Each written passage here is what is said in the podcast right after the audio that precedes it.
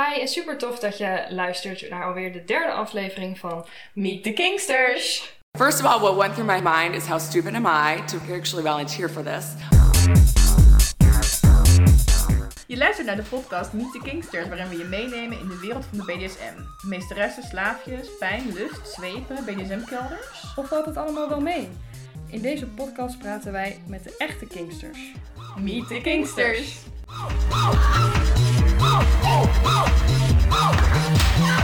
It, it, it was unbelievably painful. Wij zijn Tess en Eva en eh, we hebben vandaag een andere gast. We hebben vandaag Marijke en Marijke is psycholoog. Welkom Ja. Marijke. Dankjewel. Kan je wat over jezelf vertellen? Ja, ik ben eh Marijke Vonk. Ik ben psycholoog en seksuoloog. En ehm, ik werk als behandelaar in de GGZ. En ik werk met name, of eh, ik ben gespecialiseerd in zekere zin in het werken met mensen die behoren tot een seksuele minderheidsgroep. Dus bijvoorbeeld mensen die aan SM doen, maar ook mensen die transgender zijn of eh, sekswerk doen, eh, niet monogame relatie hebben, dat soort zaken. En dan behandel ik eigenlijk vooral hun psychische klachten en niet zozeer hun voorkeuren. Dus, eh, Oké, dus ze komen niet per se bij jou omdat ze last hebben van wat ze aan BDSM doen of... eh, Soms, eh, mensen die aan BDSM doen, die kunnen best wel last hebben van het feit dat ze die voorkeuren hebben. Dat ze het niet kunnen accepteren of dat hun partner er niet iets mee heeft. Ehm dus er kunnen allerlei problemen ontstaan. Daar, daarvoor komen ze ook bij mij. Maar daarnaast behandel ik ook mensen die een depressie hebben of eh, angstklachten, trauma. En daarnaast ook transgender zijn of daarnaast ook sekswerk doen of daarnaast kinky zijn. Had je zeg maar tijdens je studie al dat je deze richting op wilde? Ja, ik vond seksualiteit altijd al heel interessant. Nou, wij Ehm, ja, weet je, ik vond het zo interessant dat seksualiteit brengt alles een soort van bij elkaar. Het gaat over je gezondheid en over je persoonlijke eh, levensstijl, hoe je je leven wil inrichten. Maar het heeft ook te maken met eh, wetenschap en met mensenrechten, met allerlei dingen tegelijkertijd. Dus seksualiteit was zeker iets wat ik al eh, tijdens mijn studie heel erg interessant vond. Ja, zeker. Ja, leuk om te horen. Ehm, ja, voor degenen die vorige week ook, of, of vorige week, vorige maand ook geluisterd hebben. Ja. eh, toen hadden wij eh, Brechtje als gast. Ja. En uh, nou, Brechtje is dus een eh, BDSM'er. En eh, zij vertelde onder andere dat ze ook houdt van eh, ja, wat extremere vormen van BDSM. Ze had het bijvoorbeeld over eh, ja, allemaal naalden en playpiercings en Mhm. eh, bloed. Dat ze dat interessant vindt. Ja. Ehm, ja, kan je daar wat over vertellen? Want ik kan me best voorstellen dat zeker Vanilla's misschien die dat hoorden. Dat die wel dachten van wow. Ja. eh, Ja, diezelfde vanilla's die ook eh, oorbellen hebben, bedoel je? Ja, en piercings. Ja, ja. Piercings overal. Eh, ja, ja zulke voorkeuren komen wel voor. Ehm, kijk, de meeste BDSM'ers... BDSM is zo'n breed onderwerp dat je niet echt kunt zeggen dat de meeste BDSM'ers van een bepaald ding houden. En eh, spelen met bloed of spelen met piercings, dat is een, een van de voorkeuren die voorkomen. Maar zeker niet iets wat alle BDSM'ers doen. Ja, dus eigenlijk gewoon, ehm, ja, net, het is niet zoveel anders als wanneer iemand van spanking houdt. Precies, ja. Ehm ik zou Ja. iemand ook ja, een voorkeur hebben voor, voor piercings en bloed. Ja, ja, zeker. Ja, en het is eh, wat mij betreft zeker niet de meest extreme voorkeur die je kunt hebben. Ehm, voor zover ik heb begrepen is het over het algemeen redelijk veilig. En als mensen dat leuk vinden om te doen, Ja, ja, ze vertelde helemaal allemaal eh, dingetjes met ontsmetten en weet Ja. wat allemaal. Ja, dat Ja. is echt... eh, De ja. gemiddelde verpleegkundige die eh, staat er van te kijken. ja. ja. Ze Ja. vertelde ook dat eh, ze tijdens een avondje met een speelpartner eh, hem helemaal eh, in de touwen had gelegd. Ja. En dat toen ineens het dochtertje voor de deur stond. Ja. Eh, dat is wel iets waar de meeste BSM'ers ook wel bang voor zijn. Want Ja. wat nou als de kinderen het zien? ja. Kun je daar wat over vertellen? Ja, ik denk dat dat iets is waar de meeste ouders best wel bang voor zijn. Dat ze bezig zijn met eh, Ja, sexy ook met dingen. Ja. seks. En dat Ja. in één keer je kind binnenkomt lopen. Ehm, ja, weet je, als je ouder bent, dan denk ik dat je probeert om je kinderen daar een beetje buiten te houden, voor zover dat mogelijk is. Eh, dus dat je de deur dicht doet of op slot en dat je vibrators of touwen of andere dingen eh, enigszins verborgen of achter slot en grendel probeert te doen. Voor zo mogelijk dan, dan in ieder geval. Ehm, ja, dat, dat Maar, kan ja. gebeuren. Ja. Wat dan al- als, eh, in haar geval ging het dus goed, maar stel je voor, andere kinderen hebben natuurlijk ook gewoon kinderen, Ja. dat je denkt van nou, ze slapen, weet je, wij gaan lekker bezig. En wat dan als in één keer je kind voor de deur Ja. Moet, moet mijn kind dan daarna bij jou in therapie? Komt Mag. dat goed? Gaat hij ook aan de SM doen? Wat gebeurt er? Oh, ja. Ehm, ja, op het moment dat je kind binnenkomt lopen wanneer jij bezig bent met iets seksueels, ehm, dan denk ik dat het wel nodig is om eventjes te praten met je kind en uit te leggen wat er aan de hand is. Want ik denk ook dat vanilleseks bijvoorbeeld al best wel een beetje raar overkomt op kinderen. Als ze daar niks vanaf weten. Dus geef eens even wat uitleg. En wanneer het gaat over SM, dan denk ik dat het zinvol is om uit te leggen dat BDSM een beetje is als spelen voor volwassenen. Kinderen hebben vaak wel ervaring met eh, spelen met dat een van de twee gevangenen is en de andere Ja, de ja, gevangenisbewaarder. Nou, we waren zoiets aan het doen, maar dan eh, voor volwassenen. En dat je ze kunt geruststellen. Dat is denk ik wel heel belangrijk. Ehm, het is niet de manier om je kinderen kinky te krijgen. Nee. het is niet zo dat ze kijken en denken, nou dat lijkt me wat. Dat ga ik als volwassene ook doen. Eh, dat is niet hoe dat werkt. Maar het is Nee. dus zeg maar niet eh, schadelijk tussen aanhalingstekens voor een kind als die per ongeluk ziet bijvoorbeeld dat papa mama slaat of eh, mama Nou, ik, ik vind wel dat je als volwassene met kinderen een bepaalde verantwoordelijkheid hebt om dit soort dingen niet op een expliciete manier zichtbaar te maken. Nee, maar als het per ongeluk keer zou Ja, als dat per ja. ongeluk gebeurt, dan denk ik dat het niet zo heel anders is dan met seks. Je moet daar gewoon eh, wat uitleg bij geven. Weet ja. je? je doet je best om dat niet te laten zien. Als het gebeurt, dan leg uit dat het iets intiems was en, en geef En wat dan komt het misschien wel goed. En dan komt het over het algemeen goed. Ja, blijkt uit eh, Nou, de generatielange ervaring van ouders Ja. die nog een seksleven hebben. Ja, inderdaad. Is het dan een beetje hetzelfde als hoe normaler jij er als ouder over doet, hoe normaler het Denk ik het wel. vindt? Ik denk het wel. Ja, Ja. ik denk dat seks ehm, voor kinderen het soort van iets is waarvan ze liever niet weten dat hun ouders het doen. Ja. En als ze daarachter komen dat jij wel seks hebt, dat je dan eh, daar vooral geruststellende houding in moet hebben. Van joh, er is hier niks engs aan de hand. eh, Het is oké. ja, nou gelukkig. Ja, Nou, komt dan, allemaal eh, goed met ja. de kinderen van de partner van Brecht. Een hele geruststelling voor alle, Ja. voor alle kinksters die, eh, die kinderen hebben. Ja. Eh, ja, en ehm, waar we het ook met je over wilden hebben. ehm, wij hebben gemerkt dat er echt eh, best wel veel vooroordelen zijn Ja. over kinksters. En Ja. eh, vaak gaat het over uiterlijk. Dat ze denken dat wij altijd in eh, kinky pakjes rondliepen. Dacht ik ook voordat ik andere kinksters ontmoet had. Ja. Ehm, nou, we weten dat het niet zo is. Maar kijk, over het uiterlijk is natuurlijk heel veel te zeggen. Maar eh, waar heel veel andere vooroordelen over gingen, was ook eh, ja, over ja, hoe ziek eh BDSM'ers al wel niet zijn. Ja. Of wat ze doen en eh, hoe Ja. ze zijn. Dus wij hebben her en der wat vooroordelen verzameld. Dus ja, we vinden het leuk om ja, een aantal vooroordelen aan jou voor te lezen. En ja, dat jij daar dan op reageert. Of het klopt of niet. Of ja. Lijkt me een heel goed idee. Er is superveel onderzoek gedaan naar BDSM'ers. Meer dan je zou verwachten. En eh, we hebben er ook best wel wat wetenschappelijke kennis over. Dus ik hoop dat ik eh, genoeg antwoord kan geven op al jullie Yes. vooroordelen. Nou, de eerste vooroordelen die eigenlijk wel het meeste zijn genoemd, zijn dat kinksters mensen zijn met mentale problemen. En dat ze in hun vroegere jeugd, eh, zeg maar, is er toevallig in de hersenen iets gekoppeld waardoor ze seksueel opgewonden raken van een machtsspel. Ja. Nou, dat klopt voor een deel. In de zin dat ehm, het duidelijk is dat je seksualiteit is een opmerkelijk iets. De dingen waar jij uiteindelijk geïnteresseerd in raakt, of de dingen die je sexy vindt. We snappen niet helemaal waarom je brein op een gegeven moment denkt: dat vind ik interessant. Bedoel, als iemand interesse krijgt in hoge hakken, dat is niet aangeboren. In de Ja. tijd van de prehistorie waren er geen hoge hakken. Dus Ja. Waarom vind je dat ineens interessant? Nou, dat lijkt een beetje random te gebeuren. Dat je brein in één keer een soort van focust op een bepaalde stimulus. En dat je dat in één keer heel leuk gaat vinden. Dus ehm, het is deels aangeboren, maar het is ook deels wel aangeleerd. Maar mensen denken ook nog wel eens dat er iets negatiefs gebeurd moet zijn om van Ja, kind te gaan houden. ja, dat, heel eh, vervelends meegemaakt. Dat werd er vaak ook gezegd dat er dan een, een trauma, zeg maar, gebeurt. Ja. Er Vaak in- in de kindertijd een trauma. En Juist. daarom eh, willen mensen ja, dan later een soort machtsspel. Ja, nou dat blijkt dus niet zo te zijn. Ehm, sterker nog, uit verschillend onderzoek lijkt een beetje. ehm, de de effectgrootte zijn heel klein, dus ik wil hier niet te grote uitspraken over doen. Mhm. Maar het lijkt erop dat mensen die zichzelf identificeren als BDSM'er over het algemeen een prettigere jeugd hebben gehad. Dus die Oh, zijn minder vaak geslagen door hun ouders. Die zijn minder vaak. er is minder vaak iets vervelends gebeurd. Wij zijn gewoon de happy people. Nou ja, het lijkt erop dat als je wil zorgen dat je kinderen kinky worden, moet je vooral niet slaan. Oeh. Dat is ongeveer de, dat is de dat- conclusie. Dat is wel heel Ehm, grappig. maar verder is het, is het redelijk vaag. Waarom wordt de ene persoon wel kinky en de ander niet? Ja, we weten niet zo goed. Maar er lijkt in ieder geval niet iets mis te zijn gegaan. Het is eerder een soort van bonus. Iets wat je erbij krijgt. Dat is er goed gegaan dat jij deze dingen ook nog leuk vindt. Ik vind Boven wel- alle rest van de Ik vind dat seksdingen. wel echt een weten. mooie insteek. Ja, dankjewel.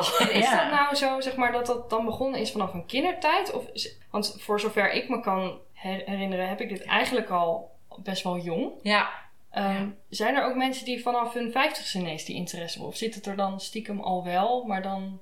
Ja, dat wisselt een beetje. Sommige mensen zeggen, joh, ik kan me niet anders herinneren dan dat ik interesse heb in eh, panties of in vastgebonden worden. Op mijn zevende probeerde ik al mezelf vast te maken in mijn lakens of wat dan ook. Ehm, en sommige mensen zeggen, joh, ik was eh 52 en ik leerde een nieuwe partner kennen. En die partner zei, ik wil heel per se iets met BDSM. Toen vertelde hij erover en toen dacht ik, hmm, dat klinkt best interessant. En op een 52 storde vervolgens Kingster. Ja. Dingen komen allemaal voor. Dus seksualiteit lijkt redelijk fluïde. ehm en seksualiteit ontwikkelt zich ook. Je kan altijd wat nieuws leren. Je kunt altijd wat nieuws leren. Ja, dus er nog hoop. Ja.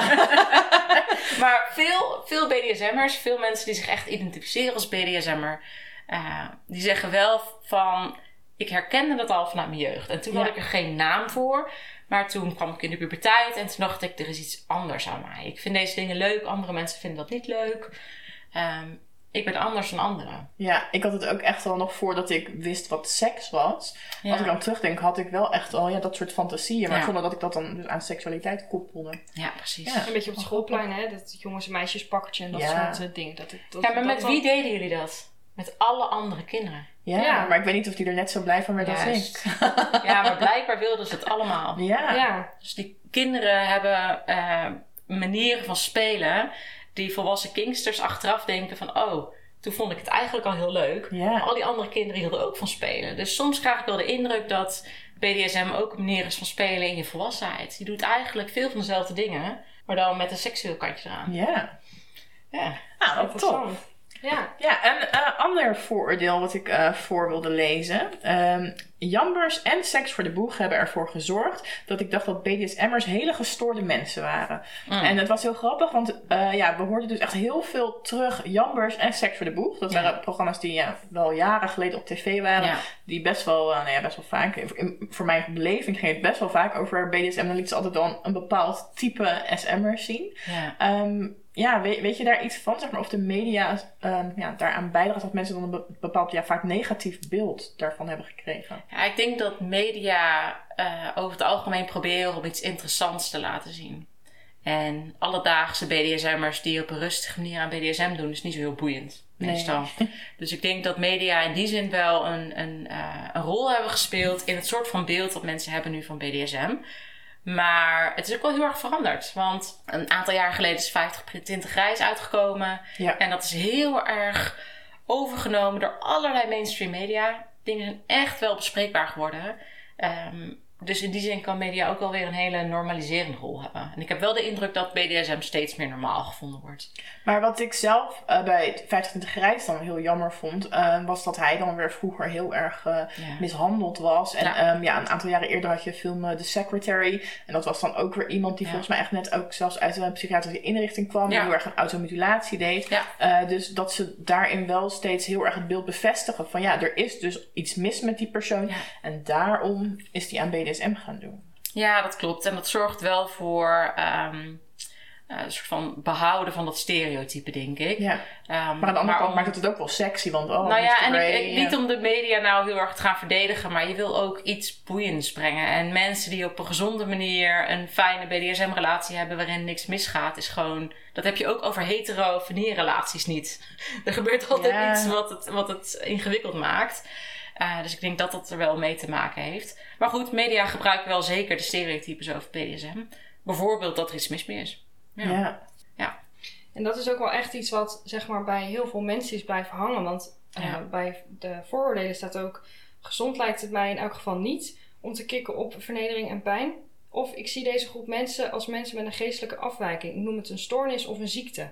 Ja, Ja, en eh, ja, want BDSM ehm, wer- werd een tijd ook wel echt als stoornis gezien, volgens mij. In de DSM? Ja, dus je hebt de DSM, dat is ehm, een soort van het grote handboek met alle diagnoses, eh, psychiatrische diagnoses. En daar staat SM nog steeds in. eh, Dus als het is, het is toch steeds een, zeg maar, Ja. officieel tussen aanhalingstekens een stoornis. Alleen als je er last van hebt. En dat is wel echt een heel groot verschil, vind ik. Nou, weet ik niet. Homoseksualiteit stond er ook heel lang in. Het was alleen een stoornis als je er last van had. Maar die is er nu wel uit. Die is er al een tijdje uit, gelukkig. Maar wel Eh. raar dat BDSM er dan niet uit is. Want waarom telt dat dan nog wel als je er last van hebt? Ja, precies. Ja, dus het wordt nu nog als stoornis gezien als je er last van hebt of wanneer je eraan doet met mensen die er niet mee instemmen. Ja, maar dan is het toch geen BDSM? Mm, eh, Ja, dat vind ik een beetje een ingewikkelde. Want stel dat jij eh, heteroseksuele seks hebt met iemand die er niet mee instemt. Ben je dan niet echt hetero? Ja, wel goed punt. Maar ik, voor mij is altijd bij BDSM zeg maar juist eh, het punt dat, het, dat er wel consent is. Dus dat iedereen ermee instemt. Anders is het gewoon mishandeling, toch? Ja, en ik vind eigenlijk ook inderdaad, als je heteroseksuele seks hebt zonder instemming, dat dat verkrachting is. Ja, dus in die zin ben ik het heel erg met je Ja. eens. Ehm, maar de voorkeur op zichzelf, dus de voorkeur om seks te hebben met het andere geslacht zonder instemming, noemen we geen heteroseksuele stoornis. En de behoefte om BDSM te doen met iemand die er niet mee instemt, ik vind dat verkeerd. Ik vind dat onethisch. En ik denk Ja. dat er iets mis met je is als je dat wil doen. Ja, Eh, maar ik vind niet dat BDSM dan de stoornis is. nee, Persoonlijk. nee. nee. Nou, wel apart dat dat nog, nog toch wel zo, eh, erin staat. Ja, dat klopt. Ja. Ja, alle bijzondere voorkeuren die eh, kunnen nog een diagnose krijgen. Ja. Nou, dan kun je nog ziek melden omdat je aan BDSM doet. Kun je proberen. Kan niet komen. Ik heb echt heel veel last van eh, BDSM. Ontzettende last van BDSM. Ja, ik ben verschrikkelijk kinky. Ja. Ja. Zijn, wat ik me dan afvraag, zijn er dan nu ook nog psychologen die, als je daar zou komen en je zegt dat je aan BSM doet, dan Ja. bijvoorbeeld je aanraden om dat dan niet meer te gaan doen? Niet zoveel. Niet zoveel. Ze bestaan wel. Er zijn wel hulpverleners die denken dat BDSM altijd slecht voor je is. En dat je er altijd mee moet stoppen. Ehm, maar ik geef ook best wel veel les aan eh, psychologen over seksuele diversiteit. En mijn ervaring is dat heel veel psychologen best wel openstaan voor het idee dat het gewoon een voorkeur is. Maar het komt wel voor. Er zijn best wel wat psychologen die er ontzettend van schrikken en denken: dit is een stoornis, dit is een vorm van automutilatie. eh, Wauw. je moet hiermee stoppen, Ja. anders kan ik je niet behandelen. Nou ja, zulke verhalen hoor je wel eens. Maar de meeste psychologen vinden dat niet. Nee. Nou, gelukkig. Gelukkig. Ja. En andere eh, eh, vooroordelen die wij horen, die gingen over, ja, over, over wat voor soort eh, liefdesleven of seks kinksters hebben. ja. En wat er veel gezegd wordt, was ehm, ja, bijvoorbeeld deze. Kinksters kunnen helemaal niet meer genieten van vanilla seks of hebben daar geen behoefte meer aan. Dus voor een, de meeste BDSM'ers niet het geval. Dus de meeste BDSM'ers houden ook van vanilleseks. En doen daar BDSM bij. Ja, Dus het is een soort van bonus. Maar voor een deel van de BDSM'ers is het inderdaad zo dat ze alleen van BDSM houden. oké, dus het kan, maar hoeft niet. Ja. Dan denk ik ook, ja, als je alleen maar van BDSM houdt en niet van vanilleseks, dan zoek een partner die daar net zo over denkt en eh veel Ja, plezier. Ga lekker samen lekker de kinky dingen doen. Juist. Alle BDSM. Wat er ook eh, staat is dat kinksters zijn niet monogaam. Is een klein beetje waar. Nee, dat, dat beeld heb ik ook wel. Want heel veel mensen die ik ken zijn inderdaad niet, Ja. niet monogaam. Kinksters lijken een klein beetje een soort van seksuele fijnproevers te zijn. Ehm, zij hebben veel meer seksspeeltjes. Niet alleen maar kinkspeeltjes, maar ook Nou, meer seksspelen. Nee, nee, dat is voor jou een heel vreemd verhaal, denk ik. Eh, ze hebben vaker trio's gehad. Ze hebben ietsjes meer sekspartners gehad in hun leven. Oh, echt? Ze zijn iets vaker niet, niet hetero. Eh. Niet per se homoseksueel, maar gewoon niet hetero. En ze zijn net ietsjes vaker niet monogaam. Eh, de, de meeste BDSM'ers zijn monogaam trouwens. Nog steeds het, het grootste gedeelte. Maar het komt inderdaad ietsjes vaker voor dat kinksters niet monogaam zijn. Dus dit voordeel is waar. Ja, nou, Ja. ik- nou, dan denk ik, als we dan zeg maar een vooroordeel moeten hebben wat waar is, dan denk ik, nou, ik vind het wel een goeie. Het is niet zo slecht. Nee, dat klopt. Nee, Nee, en ook wat je zegt van, we zijn de seksuele fijnproevers. Denk ik, best leuk. kan er heel goed mee leven Ja, hoor. ja. Ja.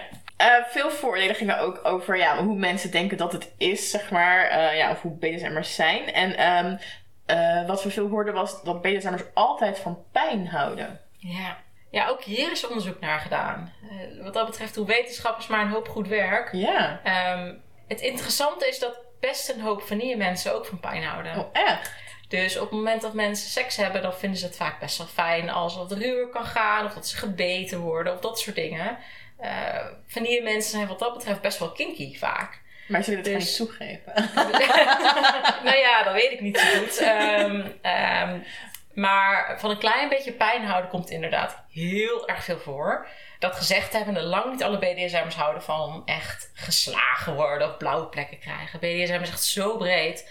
Eh, ja, dat zou je niet op die manier kunnen zeggen. Dus dat voordeel is niet helemaal waar. Nee. Ja, en ik denk dat het daarom ook goed is dat we het nu BDSM noemen en niet Ja. alleen maar SM. Want SM staat natuurlijk alleen maar voor sadisme en masochisme. Terwijl Ja. BDSM echt ja, zoveel ruimer is. Maar ik vind het wel grappig. Ik had er eigenlijk nog niet zo over nagedacht dat eh, ja, heel veel vanilla's misschien ook eh, een Nou, beetje pijn wel lekker oprecht heb ik de indruk dat mensen die echt puur heteroseksueel, monogaam, vanille zijn, een klein beetje in de minderheid zijn.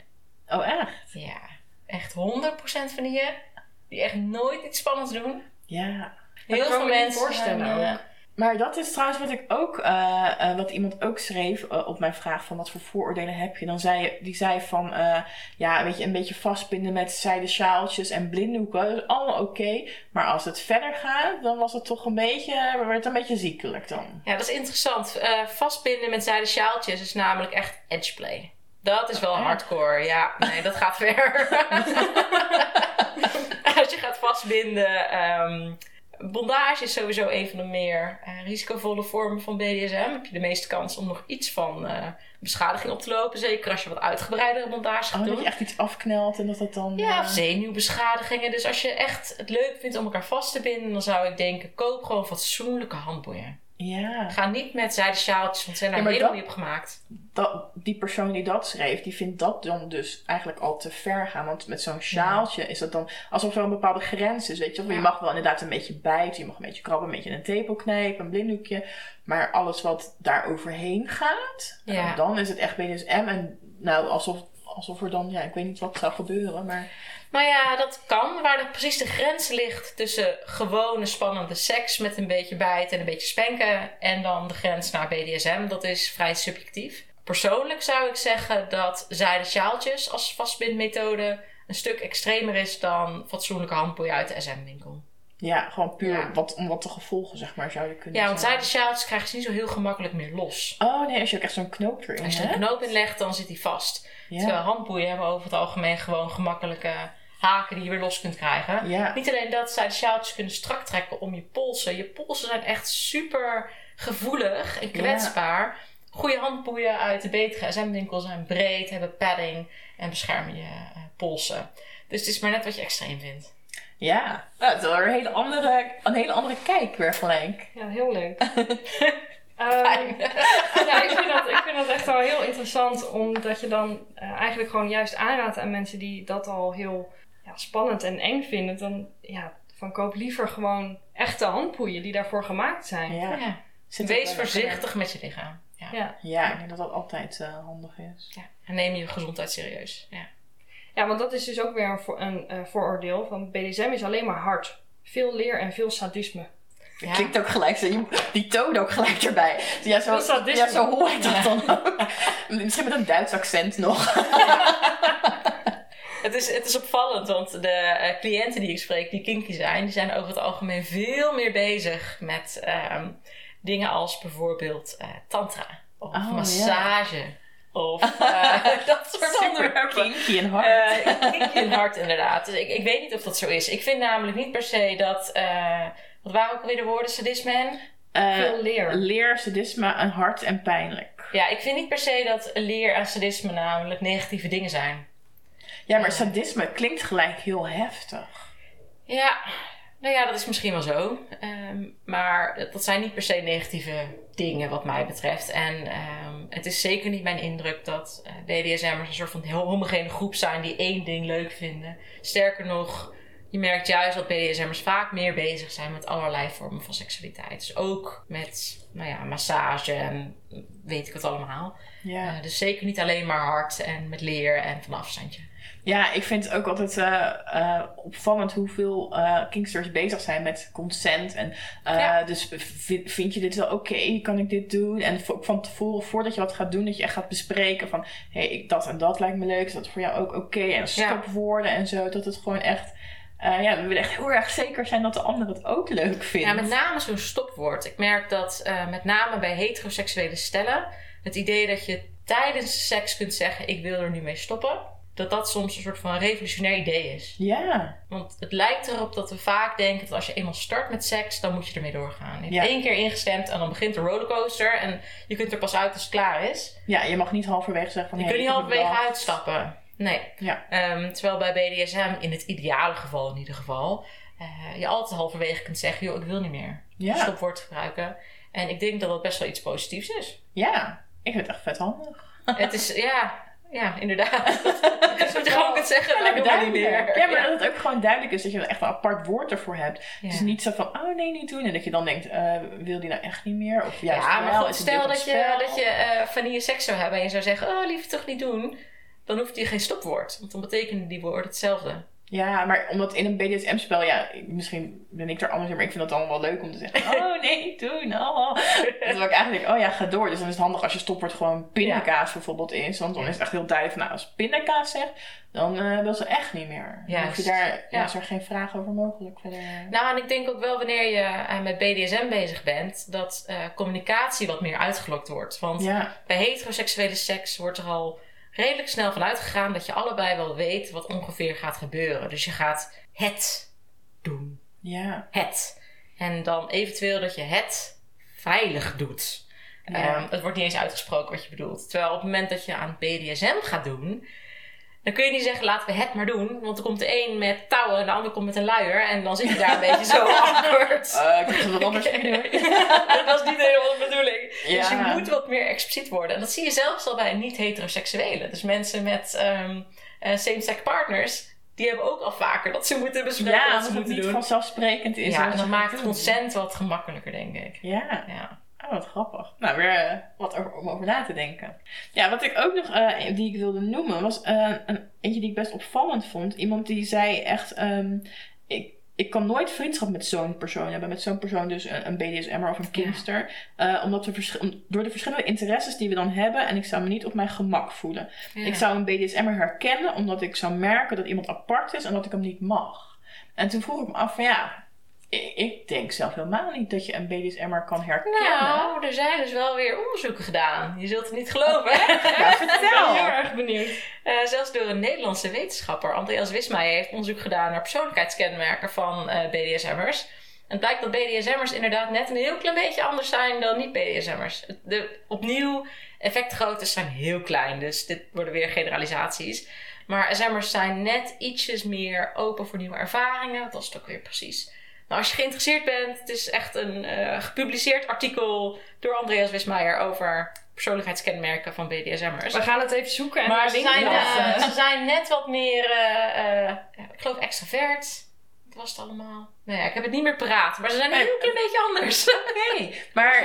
Perso- gunstige persoonlijkheidseigenschappen trouwens. Ja, ze zijn ja. net wat leuker dan gemiddeld. want ja, die persoon die zei dus echt van ja, ik zou, ik zou zo iemand ook niet mogen. Ja, dat, ja, goed. Dat kan natuurlijk dat je heel anders als persoon bent, maar ik denk niet dat, als je ook zegt van ja, het zijn best wel kleine verschillen, dat je niet echt zo Nee. eruit kan halen van hé, hey, eh, tenzij iemand echt misschien zo een halsband om heeft en zo. Maar Ja. de meeste weten, maar ja, die hebben niet eh, kinky dingen Ja. aan als ze Kijk, ik, ik, ik snap dat mensen hier uitgelokt werden om hun voordelen uit te schrijven. Dus Ja. het is niet vervelend bedoeld naar degene die het opschreef. Maar dit is wel een klein beetje alsof je zegt dat je homo's niet mag. Ja, Ja, dat je gewoon denkt van nou, ik zie dat altijd gelijk. ik zie dat meteen en, aan eh, iemand. Hartstikke gay. Mag ik niet. Ja. Ik, eh, ja, ik daar ben ik wat sceptisch over. Ik vond, het, ja, ik vond het wel, toen ik het las, ik had, ik had er zelf om gevraagd, maar ik vond het wel een beetje kwetsend. Omdat ik echt dacht van jeetje, die Ja. persoon die schrijft mij dus gelijk al af. Misschien, ja, ik dacht eigenlijk zelf ook, ja, ik vind, ik vind jou ook niet aardig. gewoon uit, uit een soort tegenreactie. Maar ik, dacht, ik voelde me wel een beetje gekwetst van jeetje, Ja. dat je gewoon mij en eh, ja, al, al mijn vrienden die ik heb en ook allemaal kings, dat je dat Ja. allemaal afschrijft. Als nou, eh, weet je, ik merk dat gelijk en ik mag jullie heus niet. Dan denk ik, hè, waarom? En de- alsof we alleen maar als enige interesse dan BDSM eh, zouden hebben. Ja, dat, dat, dat lijkt gewoon helemaal niet het geval te zijn. Dus BDSM'ers zijn over het algemeen ehm, mensen zoals ieder ander. De verschillen zijn echt minimaal. Goed, ze zijn ietsjes gezonder dan gemiddeld, sure. Maar verder is er echt niet zo heel veel verschil. Ehm, we zien ook dat mensen die aan BDSM doen, met name wanneer ze zich echt identificeren als BDSM'er.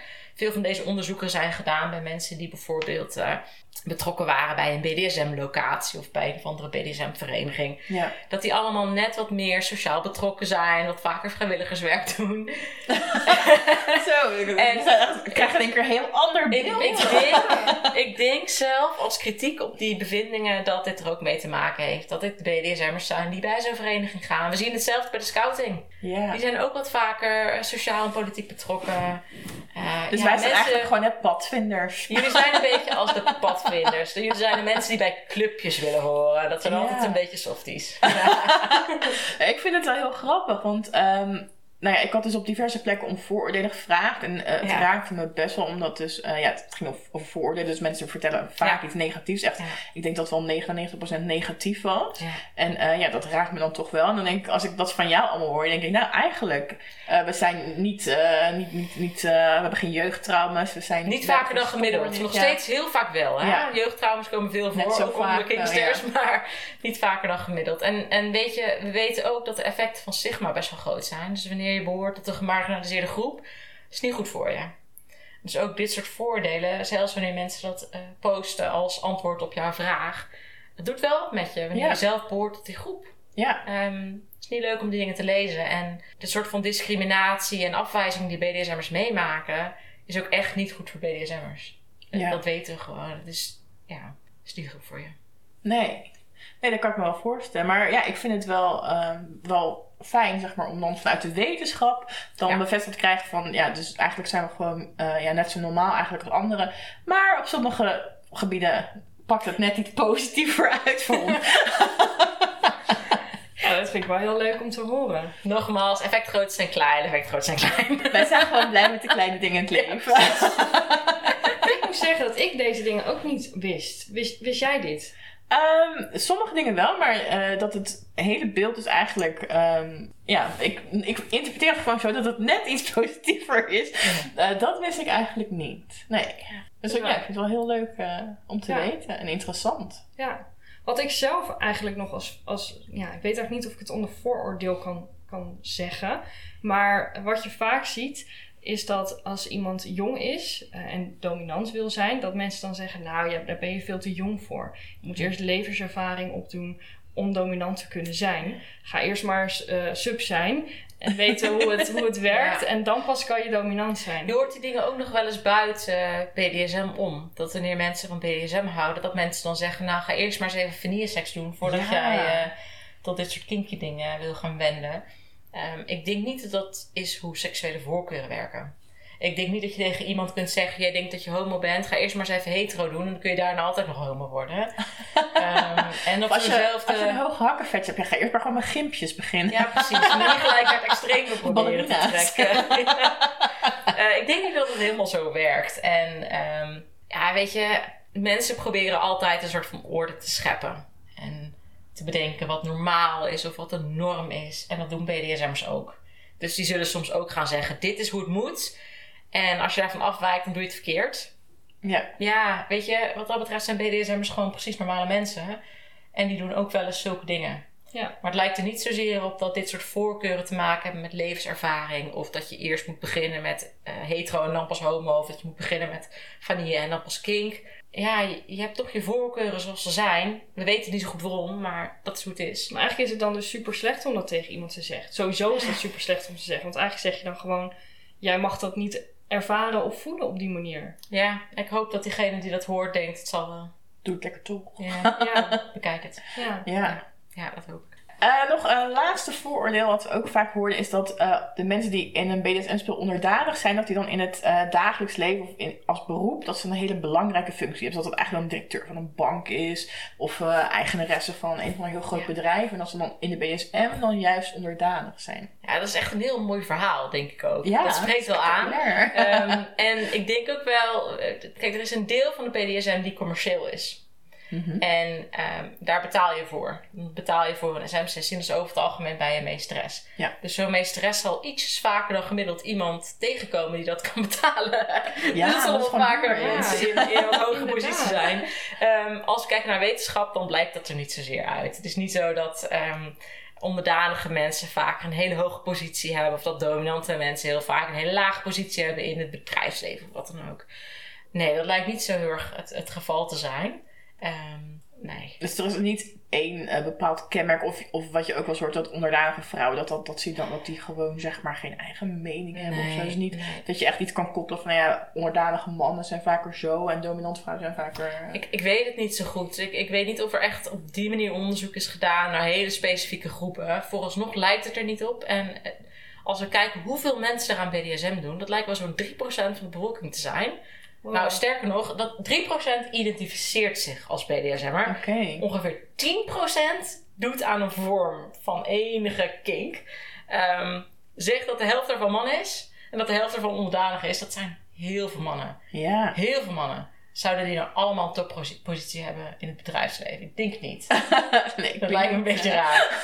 Ehm, dus nee, dat, dat lijkt er vooralsnog niet op. Natuurlijk zijn er hele succesvolle mannen die graag onderdanig willen zijn. Maar eh, die correlatie lijkt niet zozeer te bestaan. Eigenlijk nee. Nee. Ja, dat zo. wel, ja. Een Nee. vooroordeel die we weer weg kunnen halen dan. Ja, Ja, eh, ja weet je, het, het- kijk, dit, al dit soort vooroordelen bestaan natuurlijk ehm, doordat mensen allerlei ideeën krijgen over BDSM. En ehm, voor een deel denk ik ook wel uit hoe we historisch hebben gedacht over seks. Want heel lang was het idee, je moet seks hebben om kindjes te krijgen. Zeker vrouwen moesten vooral om geen enkele andere reden seks hebben, want dan was er iets mis met je. ja. Ehm, en BDSM is dan wel het meest extreme wat je kunt doen om daarvan af te wijken. Dus heel lang werd dat gezien als iets wat ongezond is. En dan kun je denken, nou ja, prima, ieder zijn mening. Je mag je voordelen hebben en die kloppen dan niet. Nou ja, prima, ieder zijn eigen idee. Maar ik denk dat het wel relevant is om eh, je ervan bewust te zijn dat dit soort voordelen wel zijn impact hebben uiteindelijk. We weten bijvoorbeeld dat er eh, voogdijzaken zijn geweest waarbij mensen voogdijschap over hun kinderen zijn verloren, uitsluitend omdat ze aan SM doen. Ja, echt bizar. Omdat mensen geloven dat SM'ers gestoord zijn, eh, niet normaal met anderen omgaan, op elk moment aan SM doen, SM doen met iedereen die ze tegenkomen, inclusief de kinderen. Allerlei hele erg. bizarre ideeën over SM'ers Ja. waarvan we weten dat ze niet kloppen. En die dus wel gevoed worden door mensen die op deze manier over seksuele diversiteit aan het praten zijn. Dus aan de ene kant is het grappig van wat rare dingen mensen zeggen over bijvoorbeeld SM. Ja. Ehm, maar het heeft ook echt wel hele serieuze impact op de levens van, eh, van SM'ers. ja, maar dat In is zin ben eigenlijk ik blij eh, dat ik het heb kunnen verleggen, want het klopt gewoon echt niet. Ja, Nee. dat is ook de reden waarom wij eh, een podcast doen en niet bijvoorbeeld een YouTube-serie. Eh, omdat heel veel eh, BDSM'ers ook gewoon niet eh, in beeld eh, durven Ja. te komen of kunnen komen eigenlijk. Omdat ze dan problemen krijgen met hun werk en inderdaad misschien Ja. met, met kinderen en eh, familie. En het, ja, het is gewoon nog zo, eh, zo een taboe en mensen hebben daar gewoon zo'n beeld eh, over. En ja, ik vind dat best wel erg. Dus ik hoop Ja. dat we dan door de podcast zeg maar ehm, ja, ook een beetje de vooroordelen de wereld uit kunnen helpen. Ja, dat hoop ik ook En inderdaad. dan voor- vooral met deze podcast. Dat we Ja. echt even alle wetenschappelijke artikelen en, en weetjes Met even kunnen weerleggen dat we Science! Ja. echt gek zijn. Ja, dan hebben we dat in elk geval vast eh, uit de weg geruimd. We zijn niet ziek. Tenminste, niet zieker dan normaal. Niet Nee, zieker dan normale vanilla's. Nee, jullie zijn allemaal best wel vaak een beetje in orde, maar niet vaker dan gemiddeld. Nee. Ja, nou dat is heel fijn om te weten. Ja. Weten we trouwens ehm, hoeveel, hoe lang mensen al aan BDSM doen? Zeg maar, want nu is het ja. natuurlijk wat makkelijker omdat we media hebben. Ja, Maar ik, ik vind dat zo'n ingewikkelde vraag om te beantwoorden. Ehm, ik weet niet zo goed hoe lang mensen al aan BDSM doen. Het zou me verbazen als deze generatie de eerste is die het bedenkt. Ehm, ik heb me laten vertellen, maar ik ben zelf geen historicus, dat er ook wel redenen zijn om te denken dat mensen eerder ook wel aan kinky dingen deden. Het lijkt mij redelijk hardwired dat we met elkaar eh, interesse hebben in seksuele exploraties. Ja. Ik, ik heb de indruk dat dat heel erg in de mens zit. Ja, Ja. Dat het altijd al wel heeft bestaan. Maar echt expliciete vorm zoals dat nu bestaat met bijvoorbeeld touw of Mhm. eh, panties. Panties bestaan ook nog niet zo lang. Dus Ja. 300 jaar geleden was men niet met panties bezig. Dat, eh, ja, misschien werden ze toen wel opgewonden van een hoepelrok. Ik, ik weet het niet. Ja. Zou zomaar kunnen. Ja. het kan zich overal op richten. Ja. Ja. Nou, super interessant. Dankjewel dat je ja, ons eh, wilde voorlichten over alles van de wetenschappelijke kant en de vooroordelen over BDSM. Heel graag gedaan. Ehm, nou, volgende maand hebben we weer een andere gast. En dan gaan we weer eh, ja, op de normale manier verder. Dat je weer nog meer kinksters kan ontmoeten. Op de normale manier. Ja, Ja, Marijke was heel abnormaal. heel bijzonder. Dus dankjewel voor het luisteren en tot volgende maand. Doeg! Doei.